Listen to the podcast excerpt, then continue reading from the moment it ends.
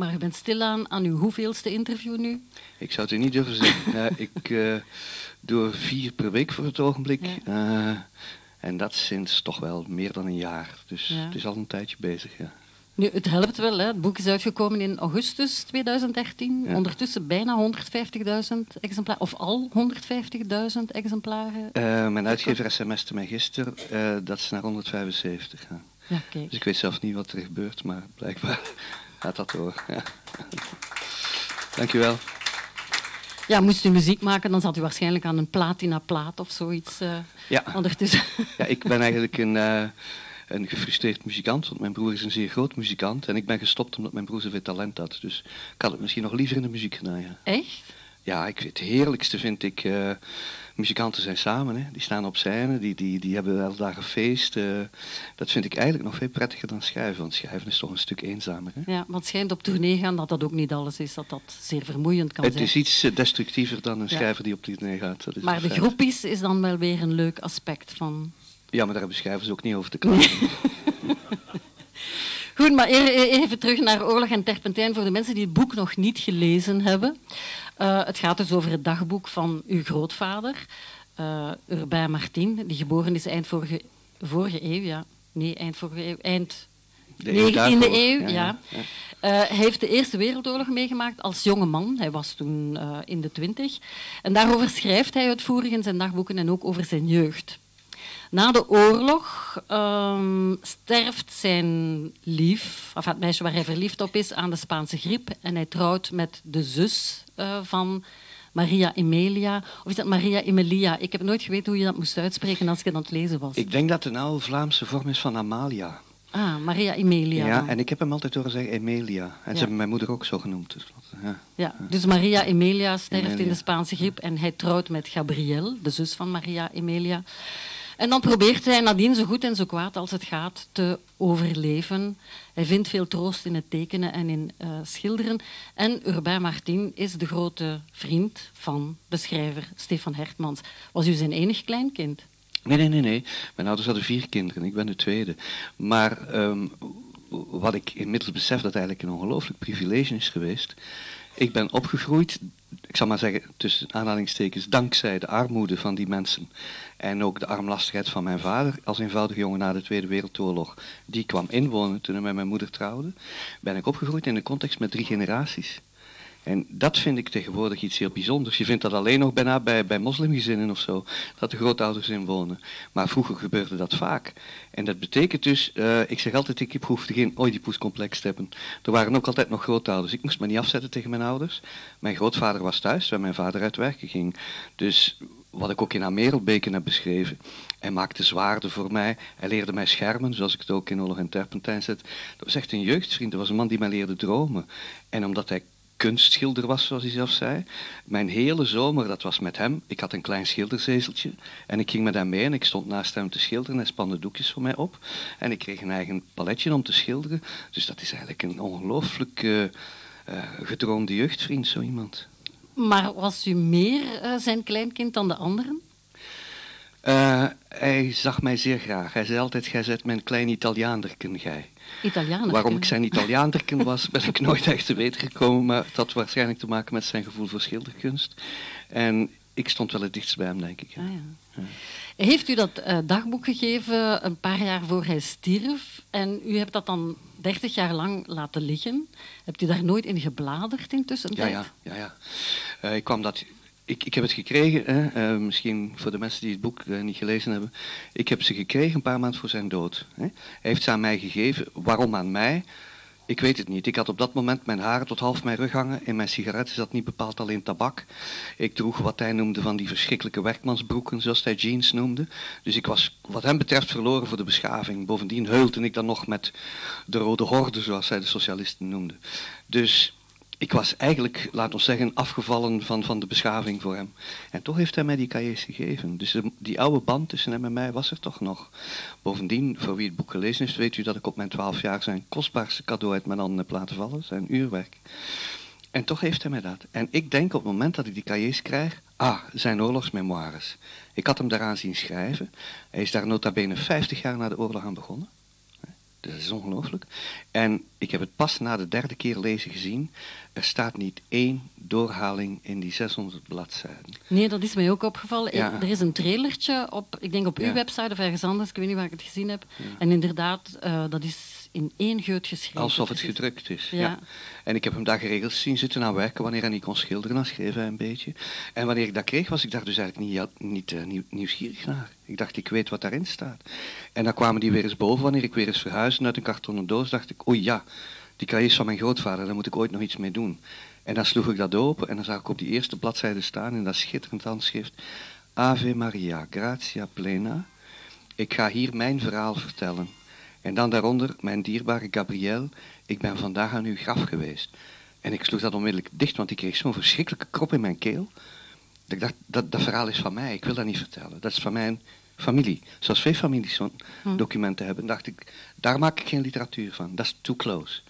Maar toen kwam 2014 nader en dacht ik, misschien heb ik toch wel een plicht tegenover hem. Was dat niet de bedoeling van uw grootvader, dat u er iets mee zou doen met die cahiers? Ik denk het niet. Hij heeft ze echt voor zichzelf geschreven. Het staat ook vol met eh, liedjes en anekdotes die ik niet overneem en zo. Ik denk dat hij zich vereenzaamd voelde. En dat hij wist, niemand luistert nog naar mij. Want we hadden het allemaal al honderd keer gehoord over de Duitser achter de Maïsveld en wij schoten als eerste. Eh, ik denk dat hij het gewoon voor zichzelf heeft gedaan. En als hij zou kunnen terugkomen, dat hij stijl achterover zou vallen wat er gebeurt met zijn verhaal. Ja. Hmm. Toen u erin begon te lezen, want u zei net, hij vertelde vaak ook over de oorlog, ehm, kwam dat dan een beetje overeen met wat hij verteld had? Ehm, er is toch een verschil. Ik herinner me dat Stefan Brijs, die dat mooie boek Post voor mevrouw Bromley heeft geschreven, ook over de oorlog, dat hij zei tegen mij, je had eigenlijk twee soorten soldaten na de oorlog. Je had er die niet ophielden met erover te kletsen, en je had er die er geen woord konden over zeggen. En degenen die er niks konden over zeggen, waren in de meerderheid. Nu, op het eerste gezicht was mijn grootvader een die niet stopte met erover te kletsen. Vooral als de mooie jonge tantes rond hem zaten, dan was hij de grote oorlogsheld die verhalen kon vertellen. Maar wat ik merkte toen ik het uiteindelijk wel ging lezen, dat is dat hij de verschrikking, eh, het liggen sterven van zijn kameraden in de modder s'nachts, die hij hoort roepen, moeder, moeder, dat heeft hij nooit verteld, mondeling. Maar hij heeft het wel in zijn cahiers opgeschreven. Dus de verschrikking die de oorlog in hem heeft aangericht, de ellende en de terreur, dat heeft hij eigenlijk alleen maar kunnen opschrijven. Dat vertelde hij niet. Hij heeft misschien ook nooit verteld hoe erg dat die oorlog was, of wel? Nee, nee, hij had zo'n manier, hij begon dan te blazen. Zo, "Pff, vraag het mij niet. En dan, we zagen wel dat hij ergens emotioneel gebroken was, omdat hij bij alles wat mooi was, begon hij te janken. Dus hij was een heel taai man. Hij was een, hij bleef wel op een bepaalde manier toch een militair iemand. En tegelijk was hij zo sentimenteel als de pest. Schoonheid, dat maakt hem kapot. En ik heb dat aan een psycholoog gevraagd achteraf. Die zegt dat is heel typisch een, een van de, de symptomen van een trauma. Dat die emoties onmiddellijk doorschieten, omdat hij daar niet tegen kon. Hij verlangde naar die schoonheid van de wereld van zijn vader, die een kerkenschilder was geweest. De wereld van zijn moeder, die zo'n prachtige vrouw was. Volgens mij is zij de grootste gestalte in het boek, die vrouw. Het is echt een Vlaamse moeder courage. Die in alle omstandigheden haar waardigheid bewaart. Haar waardigheid hangt niet af van een villa of een, of een auto. Of van rijkdom, hè, maar op haar kloeven. Hè. Haar, haar- zoals hij zei, haar mooie bottinekes in een wandkast gezet voor de rest van haar leven. Het trapje afgezet, zo gezegd. En daar hun waardigheid in de steeg. Met die man in die armoede geleefd. Eh, dat zijn grote figuren. En eigenlijk heb ik dat verhaal pas zelf leren snappen door zijn cahiers te lezen. Hoe diep dat zat bij hem allemaal. Maar hoe gaat dat dan? U, u beslist op een gegeven ogenblik, oké, ik ga met die cahiers iets doen. U leest die dagboeken en dan, hoe zet je zo'n boek op? Aanvankelijk dacht ik, ik ga gewoon die cahiers uitschrijven. Want toen ik die uiteindelijk las na 30 jaar, was ik, gebeurde wat ik gevreesd had. Er ontplofte nog weer een bom in mijn hoofd. Ik had plots zoveel herinneringen terug. Die man was al 30 jaar dood, ik was hem ook een beetje vergeten. Eh, ik heb ook een druk leven gehad. Ik heb altijd eh, eh, gewerkt ook. In tegenstelling tot wat sommige kranten schrijven, dames en heren. eh, dat schrijvers eh, van uw belasting leven. Velen van ons schrijven hun boeken s'nachts, in de weekends, in de vakanties. Ja, want u gaf nog les ook. hè? werken voor een boterham. Dus Ja. ik had een heel druk leven. Ik kon met andere boeken wel schrijven, maar dat boek niet. Dat zat emotioneel te diep. Ik moest daar rust voor hebben. Dus ik had dat uitgesteld en uitgesteld. En toen ik die cahiers echt las, gebeurde er zoveel dat ik dacht, hoe moet ik dat doen? Hoe moet ik daaraan beginnen? Enerzijds zag ik natuurlijk die berg van boeken over de Eerste Wereldoorlog. Op het moment dat ik begon, echt waar, bestonden er al honderdduizend titels over de Eerste Wereldoorlog.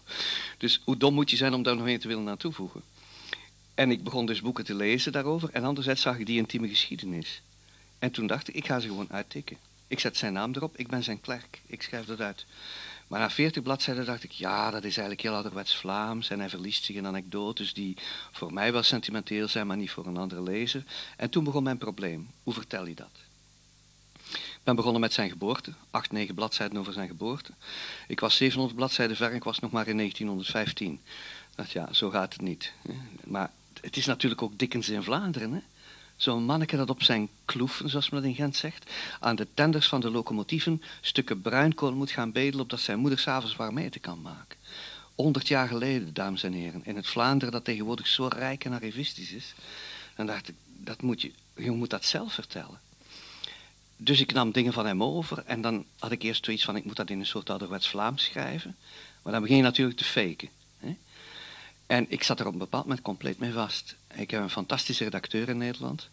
En die kwam met mij lunchen en die zei: Stop er nu mee met te proberen het boek van uw grootvader schrijven. Je kunt dat niet. Kom uit de kast, schrijf uw boek over hem. En dat heeft mij bevrijd. En dan, door mijn herinneringen te beschrijven, ben ik dichter naar hem gekomen. En dan is heel die structuur ontstaan die het nu heeft. In het eerste deel wat ik uit zijn cahiers heb over zijn jeugd. En heel die, vind ik, fantastische getuigenis, ook sociologisch, van hoe het was in armoede om in een steeg in Gent te leven 100 jaar geleden.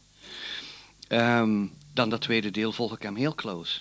Dat is echt, die man is bij al die grote slagen een eerste lijnsgetuige geweest. Dat is eigenlijk formidabel.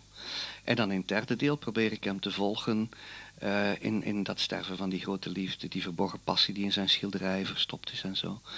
En toen ik daaraan bezig was, dacht ik, ah, ik ben eigenlijk een kopiist. Zoals hij een kopiist van de grote schilders was, ben ik nu zijn kopiist. Want als je goed kijkt naar hoe het boek in elkaar zit, het is eigenlijk een triptiek boven een altaar. De heilige als kind, de heilige als soldaat en de heilige in de woestijn van zijn oude dag terugdenken aan zijn liefde. En toen had ik het gevonden, maar dat heeft veel voeten in de aarde gehad. Ja. Het was ook een beetje een schuldaflossing, uh, vertelt u soms, omwille van dat uurwerk dat u hebt laten stuk vallen. Dat was een heel belangrijk uh, familiestuk, dat uurwerk. Mm -hmm. En ik las ook ergens dat op signeersessies veel mensen komen vertellen: Mijn grootvader heeft mij ook dat uurwerk gegeven. Blijkbaar is dat, ja, zag hij u als zijn opvolger of zo? Want vaak is dat, het werd ook aan Urbaan gegeven als jij bent nu de man in huis, mm zei zijn moeder toen ze dat doorgaf. Hij was mijn Peter, hè. Ik, ik draag dus ah. zijn, zijn naam als tweede naam. Dus uh, in die zin is het ook normaal dat dat is. Ik was de oudste zoon. Hè. Ik heb dus een, een oudere zuster nog. Dan heb ik een jongere zus en een jongere broer. Dus ik was de oudste in mannelijke lijn, dus hij gaf dat inderdaad aan mij. Nu, de geschiedenis van die uurwerken is zeer interessant. Als je Roskopf googelt, dan zie je, ik geloof, 50 soorten modellen. Soms kun je er kopen voor 50 euro het stuk.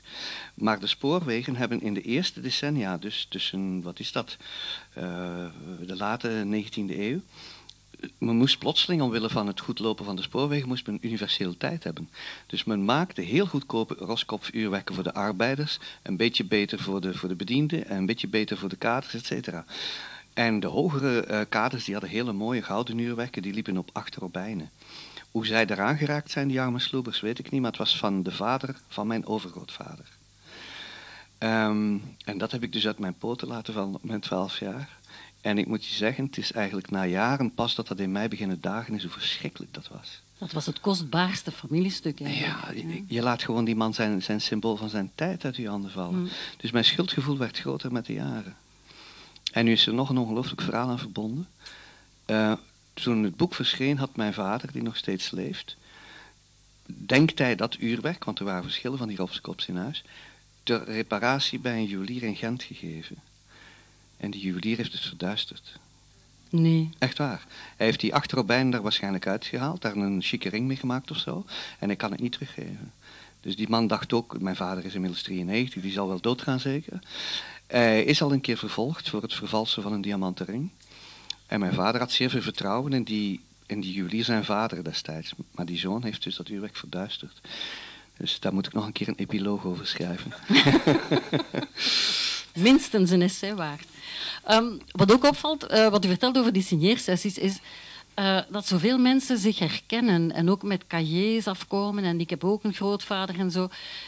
Ik zat me af te vragen, is herkennen niet de essentie van iets goed vinden? Dat veel mensen het boek goed vinden omdat ze er zoveel in herkennen?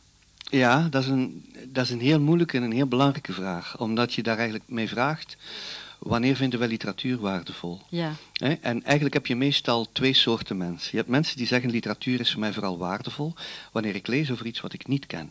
Ik wil mij namelijk verruimen. Ik wil iets lezen dat ik niet ken. Maar je hebt anderzijds ook mensen die zeggen, nee, literatuur is erkenning. Dat is in iets binnengaan waarin ik uh, het gevoel heb dat dat ook over mijn wereld gaat. Ik heb eigenlijk persoonlijk geen mening over het een of het ander. Ik vind dat de twee naast elkaar bestaan. Soms vind ik iets goed omdat ik het totaal niet ken. Een of andere Zuid-Amerikaanse auteur. Uh, of een Japanse auteur. Ik bedoel, wij lezen Murakami niet omdat we het herkennen. Maar juist omdat het zo vreemd is. Maar ik denk in dit geval natuurlijk is het zeker zo dat het waarheidsgehalte in het boek voor veel mensen zeer belangrijk is. En ik heb geregeld wel eens gesprekken met uh, publiek. Uh, die gaan over, uh, omdat Arno Groenberg ooit een stuk heeft gepubliceerd van ik zou dat boek pas knap vinden als het allemaal uit zijn duim gezogen had. En dat mensen dan zeggen, ja, dan zou ik het eigenlijk niet meer zo pakkend vinden als ik zou weten dat je het helemaal verzonnen hebt. En dan is mijn vraag, is dat zo? Vinden we dit boek zo aangrijpend omdat het echt gebeurd is? En dan ben ik geneigd om zelf te zeggen, ja, het is omdat het echt gebeurd is. Ja. ja. het is door de herkenning dat er emoties loskomen, ja. waarschijnlijk ook. Hè, en dat je daardoor...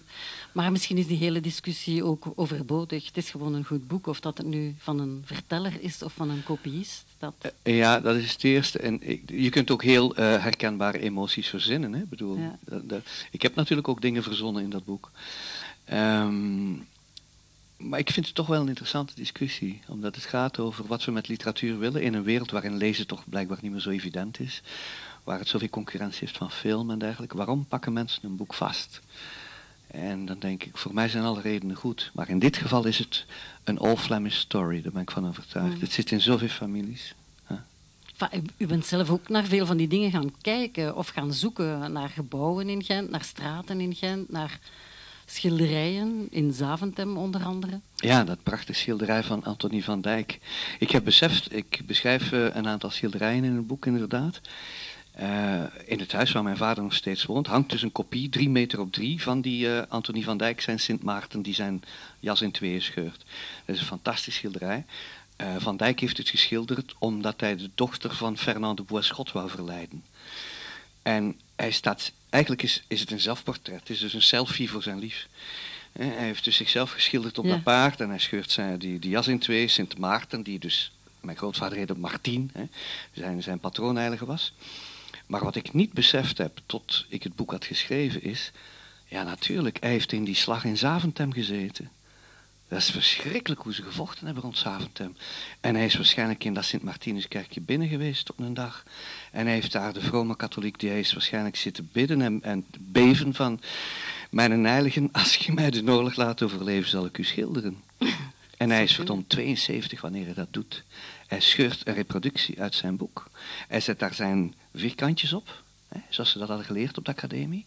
En ze plaatsen dan die vierkantjes in schaalvergroting met een passer over op dat doek. Hij is zelf dat doek gaan zitten opspannen, heeft dat zelf gekocht. Ik heb, hem dat, ik heb hem dat zien doen, dat doek opspannen. En dan werd dat bevochtigd en weer bijgespannen tot dat als een trommel staat. Hè? En is hij begonnen met dat over te brengen. En heeft dat hele moeilijke schilderij gewoon letterlijk gekopieerd. En zijn kopie is goed. Ze is iets te fel van kleur. Maar hij heeft dat letterlijk gekopieerd zonder ooit nog één keer naar Zaventem te gaan. Dus vandaar dat ik dacht, ik moet ook het verhaal van zijn schilderijen vertellen. Zijn leven zit daarin. Is er blijkbaar heel veel talent bij u in de familie dan? Ja, dat is eigenlijk wel zo. Maar ja. daar werd niet speciaal druk over gedaan. Mijn moeder speelde heel mooi piano en schilderde prachtig. Hm. Mijn moeder aqua aquarelleerde heel goed. Uh, mijn broer is een fantastisch jazzmuzikant. Uh, ja, het zit zo'n beetje in de familie, heet dat dan. Hè? Ja. Maar we gaan het niet alleen over het boek hebben. Uh, u ging ook een stukje voorlezen. Uh, het eerste stuk dat u gekozen hebt, dat gaat over zijn jonge jaren tot aan de oorlog. Um, vader en moeder van Urbain leren elkaar kennen. Uw vader is, de vader is een fresco-schilder in de kerk die jong gestorven is. Moeder Celine is een sterke vrouw. En Urbain heeft ook tekentalent en ontdekt dat er in het lelijke ook iets schoons zit. Hm. Leid ik het zo goed in? Ja, zeker. zeker. Ik vind het een belangrijk moment. Uh, als u het boek leest, dames en heren, er zit een scène in, een bezoek aan een oude gelatinefabriek. U leest dat best niet al, uh, na uw eten. bon, hij is naar die gelatinefabriek gegaan en hij heeft de verrottenis van de wereld gezien. En het is dat dat hem plots het gevoel geeft, ik wil schoonheid scheppen. Het is natuurlijk ook, zoals men dat in de film noemt, een flash-forward naar wat er hem te wachten staat in de oorlog. Eerst even drinken. Er is iets dat in zijn gedachten blijft hangen, de dagen na het bezoek aan de gelatinefabriek. Het is de aanblik van de dierenkoppen op die gore binnenplaats. In zijn herinnering schijnt het zachte middaglicht over die stapel adembenemende lelijkheid. Maar wat hij ziet zijn kleuren, tinten, de meest subtiele overgangen van licht en schaduw. Grijzen en rood, sepia en nachtblauw.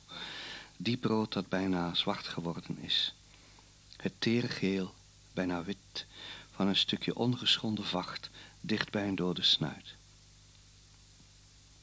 Hij denkt terug aan een van de oude boeken waarin hij zijn vader heeft zien bladeren.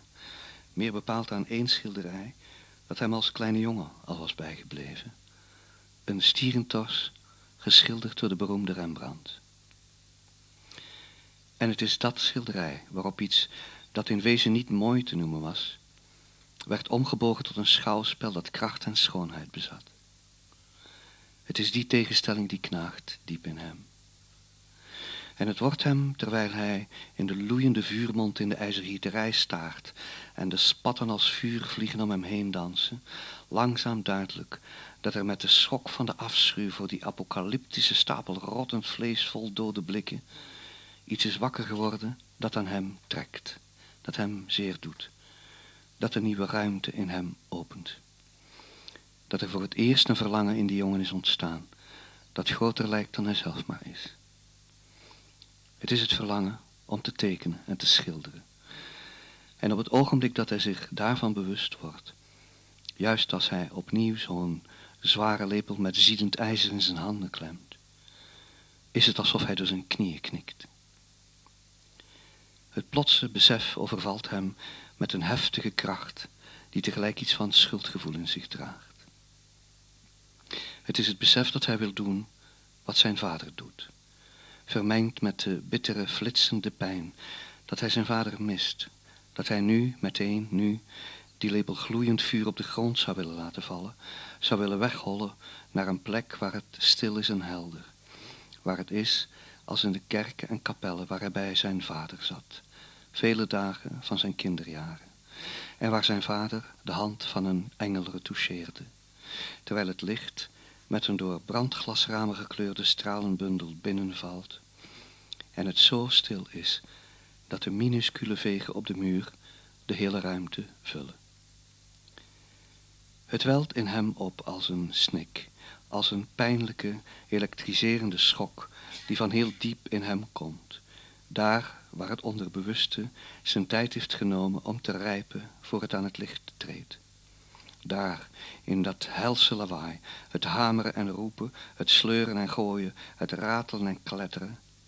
Hij droomt van een stilte die hemels is, daar midden in de donkere ruimte van het vuurdoorzinderd werkhuis vol zoegende schimmen. En hij huilt. Hij grient terwijl hij zijn handen die pijn doen rond die verdomde ruwe houten steel van die vervloekte lepel vol vuur klemt en probeert zich te concentreren, zich goed te houden te doen wat hij moet doen. Maar in die ene flits weet hij dat hij niet langer wil doen wat hij moet doen. Dat hij als zijn afwezige vader wil zijn. Ik wil tekenen en schilderen, hamert het in hem. Ik wil tekenen, ik wil leren tekenen. En hij vecht met donkere kracht die hem door elkaar schudt en loutert. En de hele dag, terwijl hij ijzer sorteert, terwijl hij zijn boterhammen eet of langs de moeilijke gangpaden loopt, waarover alle mannen van de ijzergieterij als gehoorzame ezels en schapen drentelen en dreutelen, die hele godganse werkdag van twaalf uur lang. Die hele dag krijgt hij geen woord meer uit zijn strot. Zijde ziek, Urbain? Hij schudt van nee. Ze laten hem met rust. Naar huis lopend alweer veel te laat, omdat een veel eisende klant per se zijn afgewerkte profielen nog dezelfde dag aan huis besteld wou krijgen, lijkt hij te wankelen op zijn benen. Zijn klompen zijn gebarsten van de hitte en een splinter steekt pijnlijk in de holte van zijn rechtervoet. Hij komt thuis en hij zegt geen woord. Hij gaat naar zijn kamer. Hij kruipt stilletjes in zijn bed. Hij denkt aan zijn vader en hij laat zijn tranen de vrije loop. Als u schrijft, uh, want ik hoorde dat Adriaan van Dis dat doet, dat leest hij ook alles hardop. Doet u dat ook om te weten hoe het klinkt?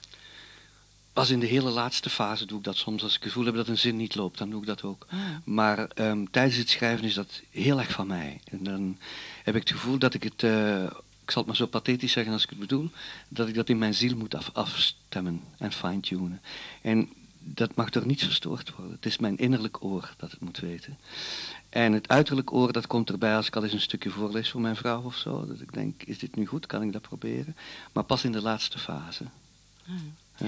De, de, reconstructie van zijn jeugd, dus voor de oorlog, eh, is dat alleen op de dagboeken gebaseerd? Of bent u ook nog met overlevenden van de familie of zo gaan praten? Ja, ja zeker. Uh, het boek is aan mijn vader opgedragen, omdat hij eigenlijk de laatste getuige is. Hij is de schoonzoon, hè, mijn vader. Mm. En um, ik ben toen ook met familieleden gaan praten en zeggen, weten jullie daar nog iets van of daarover en zo. Uh, bijvoorbeeld het feit dat dat uurwerk twee, drie keer naar het Pandjeshuis, de Mons Pietatis of Berg van Barmhartigheid in de Abrahamstraat in Gent is gebracht. Dat heb ik gehoord van de familie. Dat heeft hij nooit verteld. En dat ze telkens gingen terugkopen dan? En dat ze telkens gingen terugkopen naar Bospaarden. Ja. Was u niet verbaasd over uh, de veel details die hij moet onthouden hebben? Want hij is daar op latere leeftijd aan beginnen schrijven, zei u zelf, hè, toen hij al in de 60 was of in de 70. Hij was in de 70, ja. ja. Dat is onvoorstelbaar. Mhm. Ja. Weet je, wat betreft die oorlog denk ik, zijn feilloos geheugen, hè, dat, moet, dat is eigenlijk uh, post-traumatic stress syndrome. Dat is echt een, een, als je dat 50 jaar later nog zo weet, want sommige dingen ging ik dan checken meteen. Uh, ik geef je een voorbeeld. Die fameuze scène waarin zijn moeder als een echte moeder courage heel Vlaanderen doorkruist door paar kloeven. Uh, om haar zoon nog een keer terug te zien met melk en koeken, omdat daar een verjaardag is. En hij draait zich om wanneer zijn moeder weg is en hij zegt, we zien de eerste zeppel in Luik bombarderen. Dan dacht ik, ja maar hola, hier staat een datum bij, ik kan mij best maar uh, verzekeren of dat wel klopt, of er een zeppelin is geweest. Dus dan spring ik in mijn auto en rijd naar Yper in Flanders Fields. En ja hoor, hangt een foto rond de middag, want hij zegt ook, we zagen hem voor de zon vliegen. Dus dan moet je denken, zij zitten ten westen van Luik. Ze kijken dus naar het oosten. Hè? En daar vliegt die zeppelin over en hij verduistert de zon. Kan dat? Ja, dat klopt hè. Als je aan de westkant van Luik zit en je kijkt die kant, het moet ongeveer middag zijn geweest, zuidoost. Ja, augustus, dat klopt ongeveer. Zuidoost, uh, hij, zat noord, noordwest daarvan. Dus dat is fantastisch. Andere dingen vergiste hij zich. En dan neem ik dat soms naïef over, zoals bijvoorbeeld dat hij me, uh, ooit gezegd had dat hij na zijn eerste verwonding naar, Luik, naar Oostende was gebracht. Het boek is nog geen week uit of een historicus belt me en zegt, meneer ben jij niet op je kop gevallen? Ik kan helemaal niet naar Oostende gebracht zijn, Oostende was bezet. Maar godverdomme, dat is nog waar. Een week later op de boekenbeurs staat een man voor mij en hij zegt: Meneer, ik heb 40 jaar in de archieven van het Rode Kruis gewerkt. Ik ga voor u het briefje zoeken van uw grootvader. Een week later stuurt die man mij het briefje met de verwonding van mijn grootvader, de datum daarbij. Dichter bij hem kon ik niet meer komen dan dat natuurlijk. Dus waar mijn grootvader zich vergist heeft, zijn er altijd weer mensen die mij helpen. Want op elke vierkante centimeter is er in Vlaanderen wel een specialist. En bij andere dingen uh, moet ik het dan zelf invullen. Zijn, je hebt geen idee hoeveel strijdpunten er in zo'n boek zitten. Mijn grootvader schrijft over 1916, de pinhelmen springen in onze loopgraven. Een Duitser schrijft mij, die dat boek gelezen had, meneer u bent een leugenaar. De, de Duitse Wilhelminische soldaten draaiden die Wilhelminische pin daar al uit sinds april 1915 of zo. Omdat ze ook wel door hadden dat ze daarmee te zichtbaar waren voor de geallieerden. Mm. Maar ik dacht, ja oké, ik zal het eruit halen. Dus je kunt dan zien, in volgende druk staat er de Duitsers springen in de loopgraven. Maar verdomd, even later vind ik een foto van Wilhelminische soldaten die weigerden die pin eruit te draaien. Omdat ze trots waren daarop. En dan denk ik, in veel van die strijdgevallen moet ik hem eigenlijk geloven. Want hij zal het wel geweten hebben. Maar natuurlijk, zoals u zei, het zit 50 jaar tussen. Hij zal zich hier en daar ook vergist hebben. Hm. Hm. En zijn schilderijen, zijn dieren nog allemaal? Ja, ik heb eindelijk nu de schilderij waar eigenlijk het hele geheim rond draait. Die prachtige naakt uh, van uh, Velasquez, hè, de, de, Venus, de Rokeby Venus. en daar zit een scheur in. Misschien heeft mijn grootmoeder daar haar voet doorgezet, dat weet ik niet. Maar... Ah ja, want het is dus de, foto, de schilderij van haar zus. Uh... Ja, ja, het is eigenlijk niet... Hij heeft niet haar zus geschilderd. Hij heeft het gezicht van die zus in die spiegel verstopt. Ja. Dat is ongelooflijk. Dat is zo subtiel. Ja. Maar zie je in die, in die schilderijen ook een beetje eh, de miserie uh, waar die man mee moet geleefd hebben zijn heel leven? Of komt dat daar niet in tot uiting? Nee, nee. Het, het gaat altijd weer over dat trauma. Hè? En zoals ik daarnet al zei, hij jankte bij schoonheid. Hè? Eh, ik beschrijf die scènes met Schubert, Rosamunde en zo, van die mierzoete muziek, hij kon daar niet tegen. En die schilderkunst is voor hem het voortzetten van de wereld van zijn vader van voor de oorlog. En ik heb al vaak bedacht, stel nu dat die man niet zo gebroken was door die oorlogstrauma's, dan zou dat misschien wel een Georg Kroos zijn geworden. Hè? Een expressionist zijn geworden, die de gruwelen van het front uitbeeldt, heeft ze meegemaakt. Nee, hij schilderde alleen schoonheid. En je ziet dus in die schilderijen alleen dat verlangen naar die wereld van vroeger.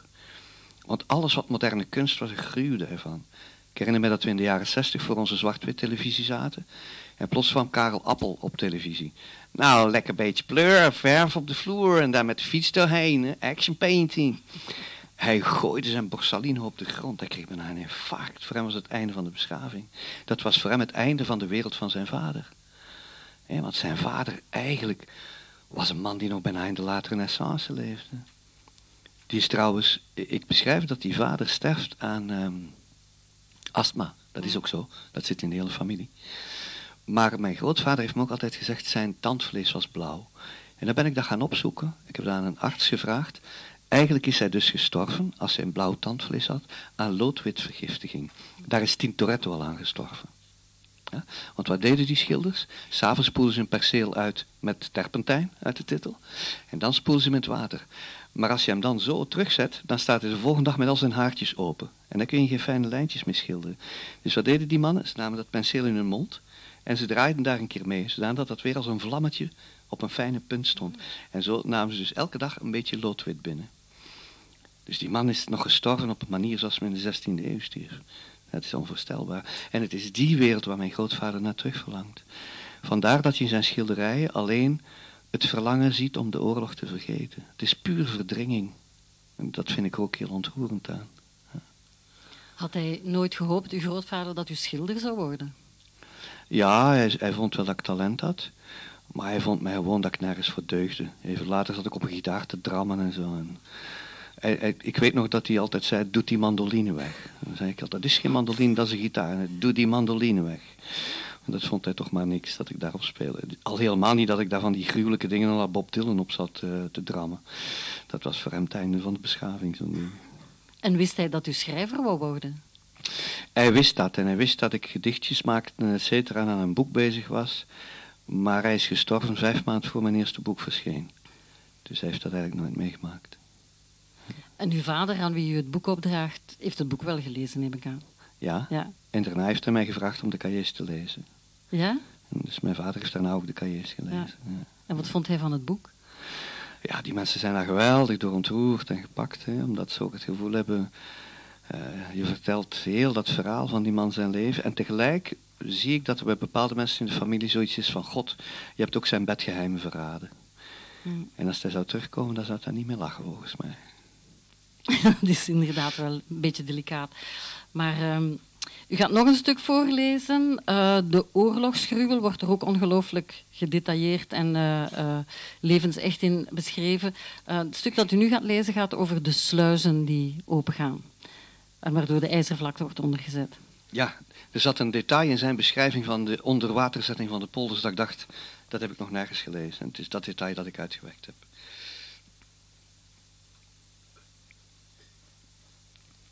De dagen regen zich aan heen. Ze zitten nu vast in de loopgraven. Hè? We werden heen en weer geslingerd tussen plots alarm en urenlange stilte, waarin alles spijs en vrij leek. Onze artillerie liet het grotendeels afweten. Het had ook geen enkele zin meer om te vuren. Ook daar waren de vuurmonden uitgesleten door de hitte en onze lichte kanonnen reikten niet ver genoeg. Op sommige dagen verhinderde ijskoude mist ook nog elk zicht. S'nachts kwam op de rivier een vlot geluidloos langsdrijven, waarop grote kisten nieuwe munitie stonden. We hadden geen idee hoe het tot bij ons was geraakt. Wat we echter de volgende ochtend in de schemer voor ons zagen, sloeg iedereen in de benen. Een massa honden, konijnen, katten, wezels, bunzingen en ratten kwam, de snuiten net boven de waterlijn, als een onwerelds leger de rivier overzwemmen, met hun gevoelige snuiten talloze driehoeken trekkend in het glad zwarte wateroppervlak. De sluizen in Nieuwpoort waren opengezet en tot in Stuivekens, Kerken, Pervijzen, Tervaten en Schoorbakken liep het land geleidelijk onder water.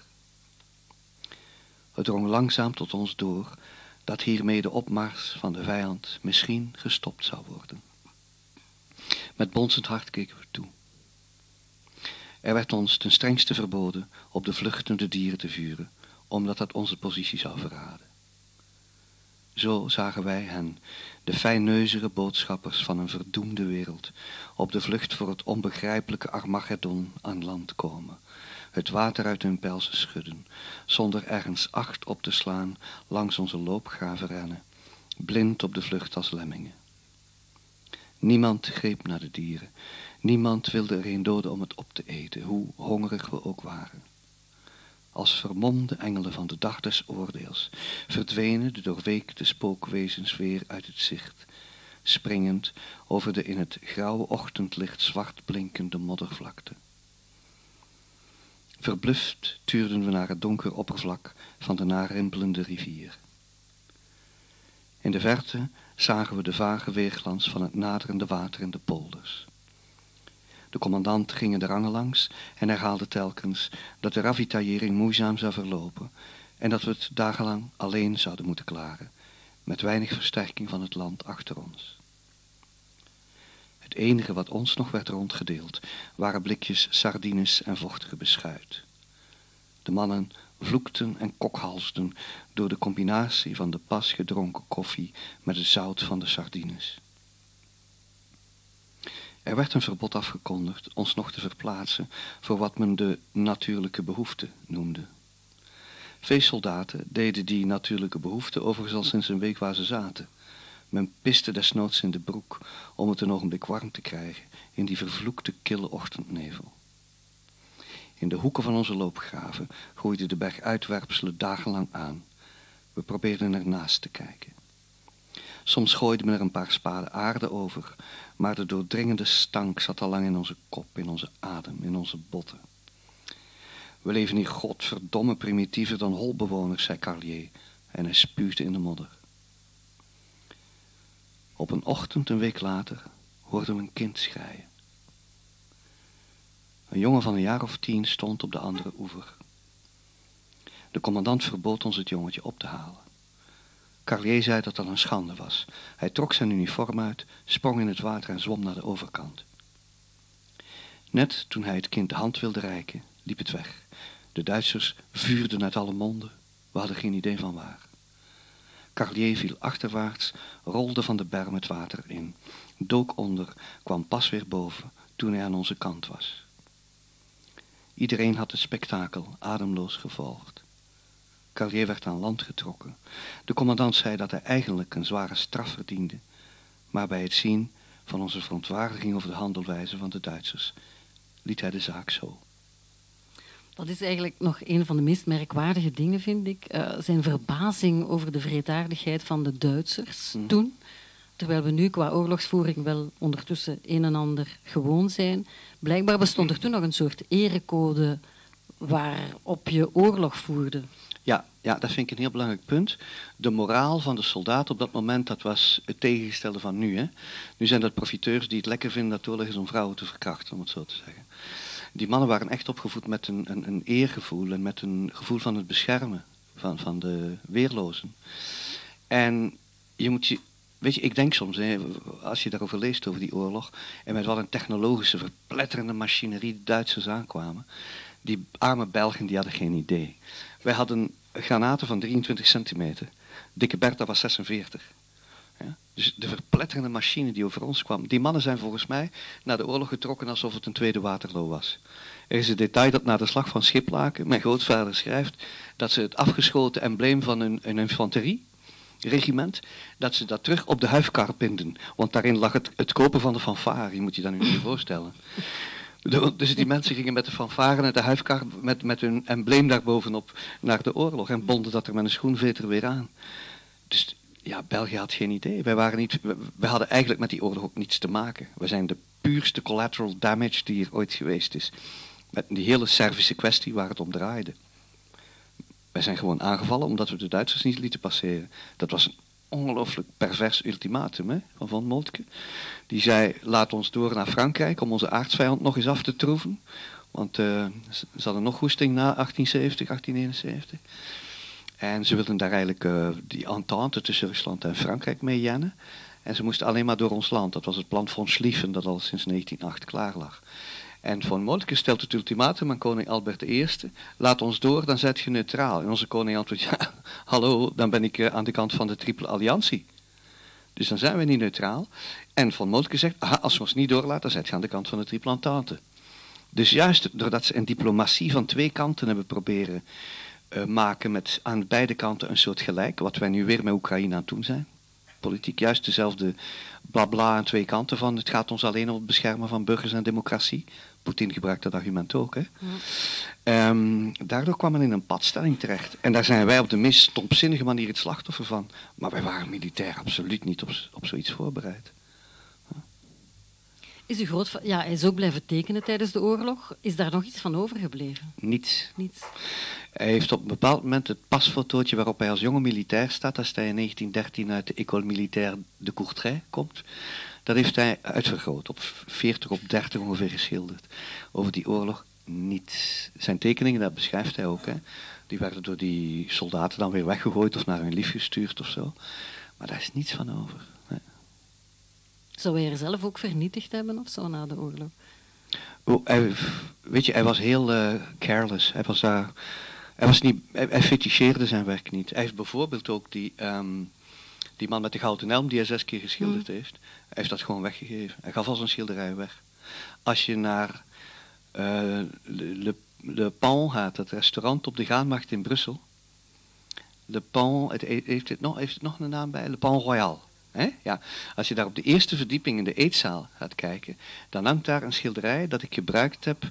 Het staat ook op de kaft van mijn boek als op de eerste dag. Dat is een, een, een neerhof van de, van de hondenkoeter uit de 17e eeuw, waarop die pauw staat als het symbool van het kwaad, die de anderen vervolgens op het neerhof domineert. Het is een kopie van mijn grootvader. Hoe ze daar terecht is gekomen, ik weet het niet. Op veilingen zie ik soms werkjes van hem bovenkomen. Hij gaf alles weg. Dus hij heeft, hij heeft niets willen bewaren. Ja. Maar als hij terugkomt van, het oorlog, van de oorlog, is het eerste wat hij doet zich inschrijven aan de academie uh, in Gent. Uh, was dat zijn manier uh, om, om met heel die gruwel om te gaan of om dat te onderdrukken? Of ja, een remedie eigenlijk tegen het kwaad? Ja, ja, je moet rekenen, er bestond nog geen Freudiaans. Hè. Mensen konden nog niet zeggen, ik ben gefrustreerd of ben getraumatiseerd. Ze hadden die taal nog niet om zichzelf te beklagen. Hè. Dus het enige wat ze deden was zwijgen en voortdoen. En ik heb nu natuurlijk veel informatie bijgekregen door het publiceren van dat boek. Er zijn heel veel soldaten die ofwel gingen leren tekenen of schilderen. Of die bij een fanfare gingen of muziek te spelen. Dus er was eigenlijk al alhoewel de psychiatrie en psychologie nog niet zo verspreid was, was er eigenlijk al een bewustzijn van je moet die mensen opvangen. Laat ze creatief werk doen, laat ze tekenen en schilderen. Wat nog altijd bestaat, hè? therapie mm. door kunst bestaat nog steeds in de psychiatrie. Uh, dus bijvoorbeeld er is een, een, stuk van de familie opgedoken waarvan ik bestaan niet wist. Want die overgrootvader Franciscus van mij, die had blijkbaar een broer Emilius. En plots staan er op de boekenbeurs dertig mensen voor mij die zeggen we zijn uw familie. Wij zijn de andere tak van die familie Martin. ik wist niet dat die bestonden. En die zeiden, wij hadden een grootvader Frans Martin. En die schilderde ook, en die leek op mijn grootvader. En die heeft ook die man met die gouden helm geschilderd. Toen viel ik wel even stijl achterover. Ja. En die zei, ja, er waren zoveel van die jongens die ze hebben leren tekenen en schilderen. Als ze wat talent hadden. En in die familie zat talent, dus waarom niet?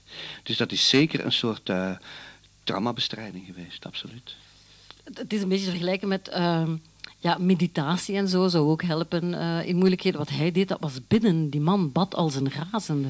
Hij was... Uh, blijkbaar was er in dat geloof ook heel veel troost. Ja, ja, ja, hij was heel sentimenteel en die, onze lieve vrouw van Zeven Smarten, dat was zijn Madonna, zal ik maar zeggen. Hmm. Ja. Volgens mij heeft hij haar ook in haar een blote gezien, net voor de oorlog begint. Maar dat laat ik aan de lezers over. Dat meisje in die pool daar, Ja. dat is toch een redelijk mystieke affaire, volgens mij.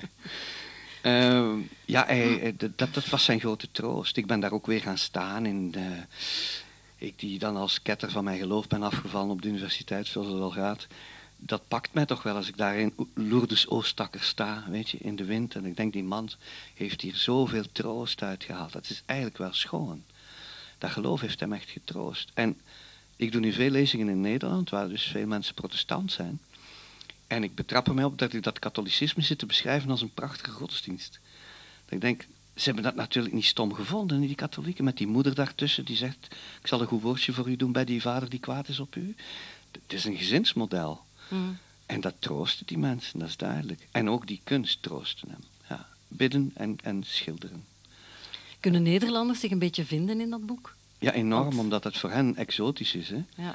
Dat Ze hadden met die hele oorlog niks te maken natuurlijk. Nee, maar weet je, ik leer natuurlijk ook veel bij. Tot en met Breda zijn ze bijna allemaal katholiek. Hè? Ja. Daar schrik ik ook wel eens van. Het is een ander soort katholiek zijn dan in Vlaanderen. Maar zij kennen ook die beeldcultuur wel. Mm. Het is als je naar het hoge noorden gaat, en als ik dan ga lezingen aan in Gelderland en zo, in Drenthe. Daar zie je dat je daar ver vanaf staat. En dan heb ik daar expliciet over. Dat ik kan zeggen, ik weet dat jullie als protestanten behoren tot wat men met een geleerd woord de iconoclastische kant eh, noemt. Hè, De iconografische kant, dat zijn degenen die hun geloof uitdrukken in beelden en schilderijen. En de iconoclastische, dat is bijvoorbeeld de moslims en de protestanten, de streng Calvinisten. Die zeggen, je mocht God niet afbeelden, dat is het hoogste. Dat kunt je niet afbeelden. Dus die bekijken de katholieke schilderkunst, die hele Hollywood die wij op onze kerkmuren hebben sinds de 15e eeuw, die bekijken dat als een soort kitsch. En terwijl ik hen dan altijd zeg, maar nee, dat is eigenlijk ook heel schoon. Denk eens aan de Sixtijnse kapel, waar die God die hand reikt aan Adam. Dat is voor de mensen natuurlijk een visualisering geweest van een troost van het hogere. Dus wie ben ik om dat te veroordelen? Dus ik heb eigenlijk door dat boek te schrijven ook weer heel veel interesse van een uit kunsthistorisch standpunt, niet alleen maar ook menselijk. Mm. Dat ik denk, dat is natuurlijk een troost voor de mensen. Hè? Het boek is ondertussen al in een aantal talen vertaald, ook in het Duits. En daar heet het Der Himmel meines Großvaters. Eh, Zijn hemel was dat toch niet echt. Ik vind, het is een beetje een rare titel eigenlijk voor dit boek. Daar hebben we ontzettend lang over gepalaverd. Maar die Duitsers waren zo bang dat het weer, wieder ein Buch über een krieg ging worden. En natuurlijk, je moet rekenen, die Duitsers kruipen nu al 70 jaar door het stof voor die Tweede Wereldoorlog. Er komt een kleine Belg en zeggen dat ze het voor de misdaden over die eerste ook nog eens mogen doen. dus ze waren niet scheutig om dat meteen Krieg und Terpentin te noemen. Terwijl in alle recensies die hier verschijnen, zegt men, ja, dat is eigenlijk, dat is de titel, Krieg und Terpentin. Maar ze waren, mijn uitgever was blijkbaar, vind ik, een beetje intellectueel te voorzichtig. Van het mag, we gaan die oorlog niet verkopen, we gaan niet opportunistisch doen. Ja, dus nu ligt het in de boekhandel als de Himmel meines Großvaters. Waarom moet je het nu nog lezen? Omdat je denkt dat het knauskort is of wat? Ik weet het ook niet. Dus ik vind dat ze daar een kans gemist hebben, ja. In het Duits, eh, pardon, in het Deens en in het Noors. Nee, in, in het Deens hebben ze het ook, eh, hoe heet het? Min beste voor Himmel of zoiets. Maar in het Noors hebben ze Kriek ook terpentin gebruikt. En daar schiet het veel rapper eh, door. Heb je daar als auteur helemaal niks aan te zeggen eh, Ja. onder welke titel dat het vertaald wordt of zo? Ja, maar dat spitsen zich toe eh, met, met die Duitse uitgever. Ik heb daar uren over gediscussieerd met hem aan de telefoon. Dus ik, ik zie het eigenlijk niet zitten. Maar ja, zij hebben de rechten gekocht. Uiteindelijk hebben zij beslist. Wat ik dan nog kan doen, is mijn veto stellen. Maar mijn uitgever in Amsterdam zei ook, ja, uw veto stellen, dat verknoeit al je werkrelatie. Dus laat ze het maar proberen, in godsnaam, met de Himmel meines Eh, we zullen wel zien. Maar ik denk dat ze daar te preuts in geweest zijn, ja. En lees je die vertalingen dan ook na in de talen die je verstaat, neem ik aan? Om de te zien of talen het goed die ik ken, lees ik na. ah, Ja. Ehm, en dan nog zie ik bijvoorbeeld dat mijn Duitse vertaalster op het moment dat mijn grootvader schrijft, de Duitsers, komma die smeerlappen, dan laat zij die smeerlappen weg. Hm. Ja, ze vertaalt voor de Duitsers. Oké, goed. Daar maak ik dan geen punt van. Maar het is een, een, een zeer goede vertaalster. Dus, eh. Achteraf gezien, eh, hebt u het gevoel dat u meer hebt meegekregen van uw grootvader dan van uw ouders? Ja, misschien. Uw vader heeft altijd invloed op u, hè? Eh, Ja. En naarmate je ouder wordt, begin je ook meer op je voorgangers te lijken. Ik zeg altijd, als je jong bent, dan denk je dat je jezelf kunt maken.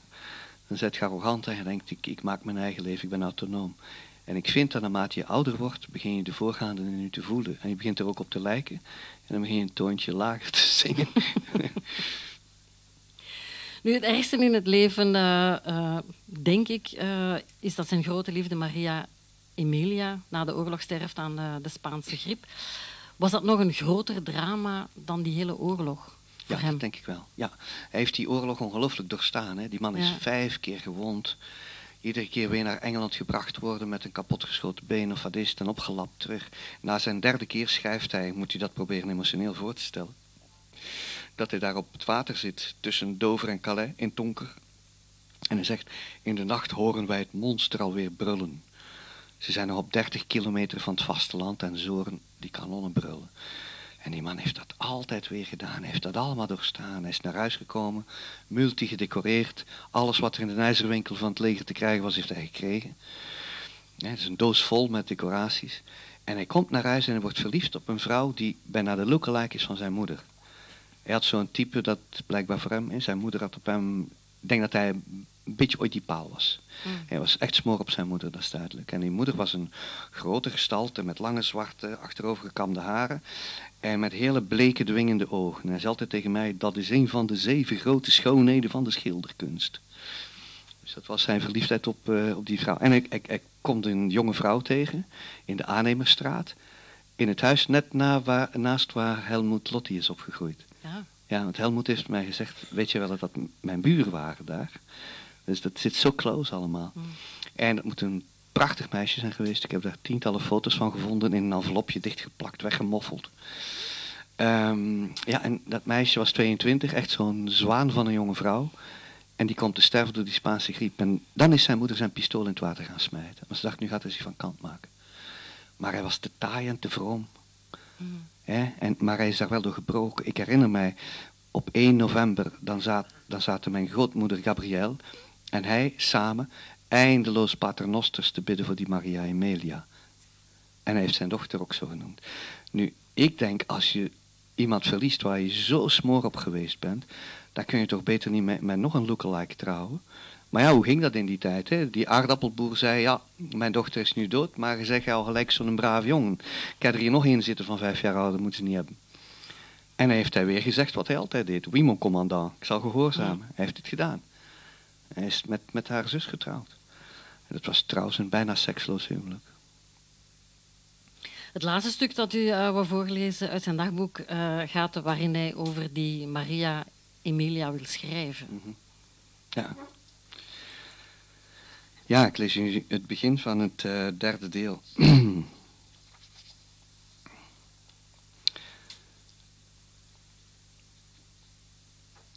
Weer kijkt hij op, gezeten aan zijn oude kaptafeltje waaraan hij schreef. Hij denkt aan wat hij nu zou moeten vertellen. Zijn verhaal over de oorlog is eindelijk af na al die jaren.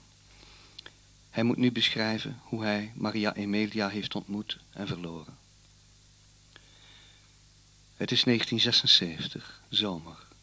De zomer die in het geheugen van een generatie zou worden geprent door de uitzonderlijke warmte en droogte. Hij is oud. Hij heeft de afgelopen dertien jaar aan deze memoires geschreven, met tussenpozen. Soms liet hij het schrift ook weken liggen, in enkele keer zelfs een half jaar. Dat was toen hij over zijn derde kwetsuur moest schrijven en het verraad van de officieren, zoals hij het noemde. Naast hem liggen zijn decoraties. Die heeft hij vandaag weer even tevoorschijn gehaald, omdat zijn herinneringen zo levendig waren. Toevallig is met de beschrijving van het eerste weerzien met Maria Emilia ook zijn tweede cahier bijna vol. De resterende lege bladzijden volstaan niet om alles weer te geven. Hij aarzelt. Hij legt zijn pen neer. Hij haalt een mapje van onder zijn bureaulegger. En hij begint aan een brief. Mijn dierbare Gabrielle. Als ik aan de dood van uw dierbare zuster peins. Hij legt de pen weer neer. Er komen geen woorden. Het is drukkend heet, eind juli. De hele wereld lijkt op apengapen te liggen. Hij neemt zijn zwarte hoed van zijn kale hoofd en wist met zijn zakdoek het zweet van zijn voorhoofd. Moet hij zijn dochter vragen een derde schrift voor hem te kopen. Daar heeft hij geen zin in. De laatste bladzijden hebben veel van hem gevergd. Het begint ook allemaal te vervagen. Zijn handschrift slingert. Hij heeft jicht in zijn vingers. Schilderen, dat gaat nog wel, een uurtje per dag. Maar het staan achter die kleine schildersezel vermoeit hem steeds meer. Zijn oudste kleinzoon zal binnenkort een kind hebben. Hij ziet hem zelden. Hij woont ergens in een boerderijtje tegen de Nederlandse grens. Hij is echt veranderd door naar de universiteit te gaan. Van vroom en volgzaam is hij opstandig geworden. Hij spot met God en gebod en hij doet zijn ouders veel verdriet. Zo gaat dat. De ouders werken en sparen om hun kinderen te laten studeren. En het resultaat is dat ze kinderen op die universiteit dingen leren om hun ouders mee te kleineren. Zijn haren hangen tot halfweg zijn rug, het ziet er niet uit. In zijn tijd, in zijn tijd moesten de jongens karakter tonen, netjes gekapt zijn, discipline hebben. Zijn oudste kleinzoon, die denkt alleen nog aan genot. Luistert naar die halve garen uit Liverpool, ja, Liverpool verdomd, en bralt inmiddels over politiek. Er zitten scheuren in die blauwe werkmansbroek van hem. Zo werd hij nogthans niet opgevoed met politiek en al zeker niet met die van de Rode Horde. De hitte maakt hem een beetje misselijk. Of is het zijn hart? Hij moest maar niet aan Maria Emilia denken. Maar hij kan niet anders. In de daaropvolgende dagen zal hij kort enkele gedachten noteren uit de eerste maanden van zijn verloving. Het tweede cahier vertoont daarna nog wat losse zinnen. Het vloeit uiteen in iets over de nacht en de paniek. De inkt is uitgelopen in wat op vlekken van tranen lijkt. Daar houdt de beschrijving van zijn leven op. En op een bepaalde manier hield zijn leven daar zelf ook op. Nu, dat einde van uh, Maria Emilia, die aan Spaanse griep stierf, dat moet ook tamelijk vreselijk geweest zijn. Ja, weet je, er was nog geen kinine. Kinine wordt ontdekt in 1935 pas, in de bijnierschors. Uh, er was nog geen um, antibiotica, hè? geen enkele, mm. geen, geen penicilline. En ik heb altijd horen vertellen in de familie, dat werd dan meestal verteld waar hij niet bij was, hè, dat um, die mensen kregen op het einde water in hun longen. En dat schijnt uw hart samen te drukken. Dus het schijnt dat ze in gruwelijke pijnen sterven. Ik vind dat een ongelooflijk cynisch iets. Weet je, er zijn 12 miljoen mensen gestorven tussen 1914 en 18. Weet u hoeveel er gestorven zijn in 1919? 100 miljoen. Wat deden de mensen? Ze hielden overal feesten omdat het vrede was. En ze kusten elkaar en ze vrijden met elkaar en ze besmetten elkaar. Je moet je voorstellen dat ebola op die manier over de planeet raast. Hè? Dat is toen gebeurd. Er was niks, men kon er niks aan doen. Het is, het is erger dan de pestaanval. En ja, dat meisje is daar gestorven. En hij is dat, het, dat was eigenlijk de grootste oorlogstol die hij heeft moeten betalen. Maar tegelijkertijd, als je het boek leest, is er toch ook wel een grote genegenheid voor die Gabriel. Dus zijn tweede vrouw, zullen we maar zeggen. Mhm. Ja, wat ik zo belangrijk vond aan het schrijven van dit boek is laten zien hoe de mentaliteit van de mensen anders was vroeger. Uh, tegenwoordig noemen wij een geslaagde relatie iets waar je minstens drie keer per week uh, ongeveer tegen tak van gaat. Hè. Um, die mensen hebben misschien drie keer met elkaar gevrijd. En hij zag haar doodgraag. Mijn moeder zei altijd, ze hebben het misschien drie keer met elkaar gedaan, daar ben ik uit voortgekomen. Want daarna is ze naar zijn moeder gestapt en heeft ze gezegd, moest je gedaan, met die bestialiteiten.